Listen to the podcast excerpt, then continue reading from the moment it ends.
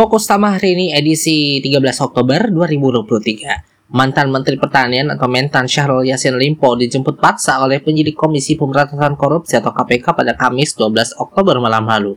Sehari sebelumnya itu Rabu 11 Oktober, KPK resmi menetapkan Syahrul sebagai tersangka atas kasus dugaan gratifikasi dan pemerasan di lingkungan Kementerian Pertanian.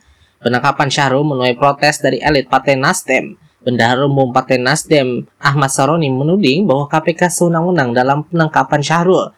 Pasalnya lembaga anti rasuah itu menangkap Syahrul sehari sebelum jadwal pemeriksaan yang telah ditetapkan yakni pada 13 Oktober atau hari ini. Saroni juga mempertanyakan mengapa KPK terkesan terburu-buru menangkap Syahrul tanpa alasan yang kuat. Dalam mekanisme tata hukum beracara menurut dia, jika seseorang tidak menghadiri panggilan maka perlu dijadwalkan ulang. Dalam kasus ini Syahrul menyebut Syahrul sebelumnya sudah bersedia untuk menghadiri pemanggilan pada hari esok.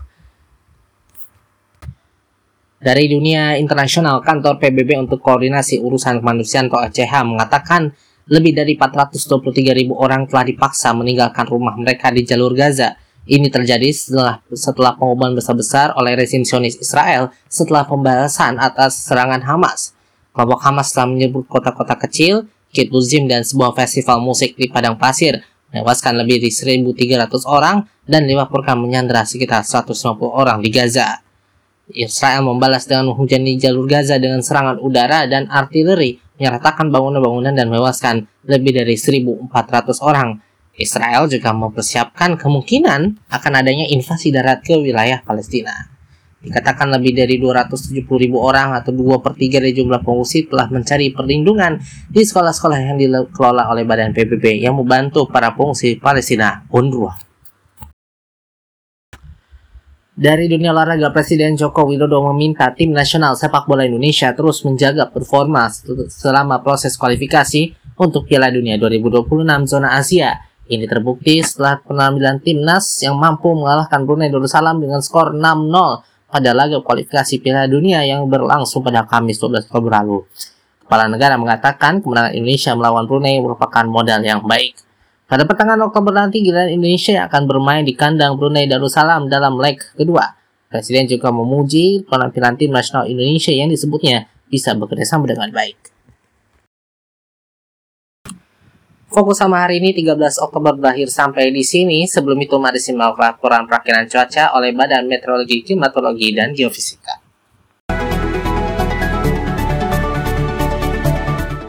Halo Sobat BMKG, jumpa lagi bersama saya Idan Abu Bakar dalam update perakiran cuaca di Indonesia yang berlaku Jumat 13 Oktober 2023. Sobat, secara umum perakiraan angin permukaan di Indonesia masih didominasi angin yang bertiup dari arah tenggara hingga selatan dengan kecepatan berkisar antara 10 sampai dengan 50 km per jam. Suhu udara di kota-kota besar di Indonesia berkisar antara 19 sampai dengan 36 derajat Celcius dengan kelembapan udara berkisar antara 35 hingga 100 persen.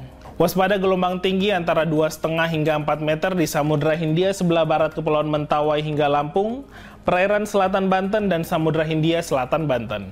Selanjutnya wilayah dengan tingkat kemudahan terbakar pada lapisan atas permukaan tanah dengan kategori sangat mudah terbakar terdapat di wilayah Sumatera bagian selatan, sebagian besar Jawa, Bali, dan Nusa Tenggara, sebagian besar Kalimantan, kecuali Kalimantan Utara, sebagian besar Sulawesi, sebagian kecil Maluku Utara dan juga Maluku Tenggara, serta sebagian kecil Papua. Karena itu kami himbau kepada sobat BMKG yang berada di wilayah-wilayah tersebut untuk menghindari aktivitas yang dapat menimbulkan kebakaran hutan dan lahan. Selanjutnya mari kita simak update perakiraan cuaca di kota-kota besar di wilayah Indonesia. Kita mulai untuk wilayah Sumatera, kota Tanjung Pinang diperkirakan akan berawan, sedangkan kota Pekanbaru diperkirakan akan terjadi hujan dengan intensitas ringan. Kota Padang diperkirakan akan terjadi hujan dengan intensitas sedang, waspada hujan petir di kota Banda Aceh dan juga kota Medan. Selanjutnya, kota Pangkal Pinang dan kota Bandar Lampung diperkirakan akan cerah berawan, sedangkan untuk kota Jambi dan kota Palembang diperkirakan berasap, untuk kota Bengkulu diperkirakan akan terjadi hujan dengan intensitas ringan.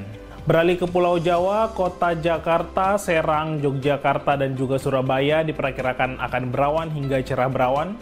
Sedangkan untuk kota Bandung dan kota Semarang diperkirakan akan terjadi hujan dengan intensitas ringan. Untuk wilayah Bali dan Nusa Tenggara, kota Denpasar dan juga kota Kupang diperkirakan akan berawan hingga cerah berawan. Sedangkan untuk kota Mataram diperkirakan akan terjadi hujan dengan intensitas ringan. Untuk wilayah Kalimantan, kota Samarinda diperkirakan akan berawan. Untuk kota Pontianak dan juga kota Tanjung Selor diperkirakan akan berkabut. Sedangkan untuk kota Palangkaraya dan juga kota Banjarmasin diperkirakan akan berasap. Selanjutnya untuk wilayah Sulawesi, kota Mamuju, Makassar, Gorontalo, Manado, dan Kendari diperkirakan cerah hingga cerah berawan. Sedangkan untuk kota Palu diperkirakan akan terjadi hujan dengan intensitas ringan. Dan yang terakhir untuk wilayah Maluku dan juga Papua, kota Ternate, Manokwari, dan Jayapura diperkirakan akan berawan. Sedangkan untuk kota Ambon diperkirakan akan terjadi hujan dengan intensitas ringan. Demikian informasi yang dapat kami sampaikan, semoga bermanfaat dan sampai jumpa.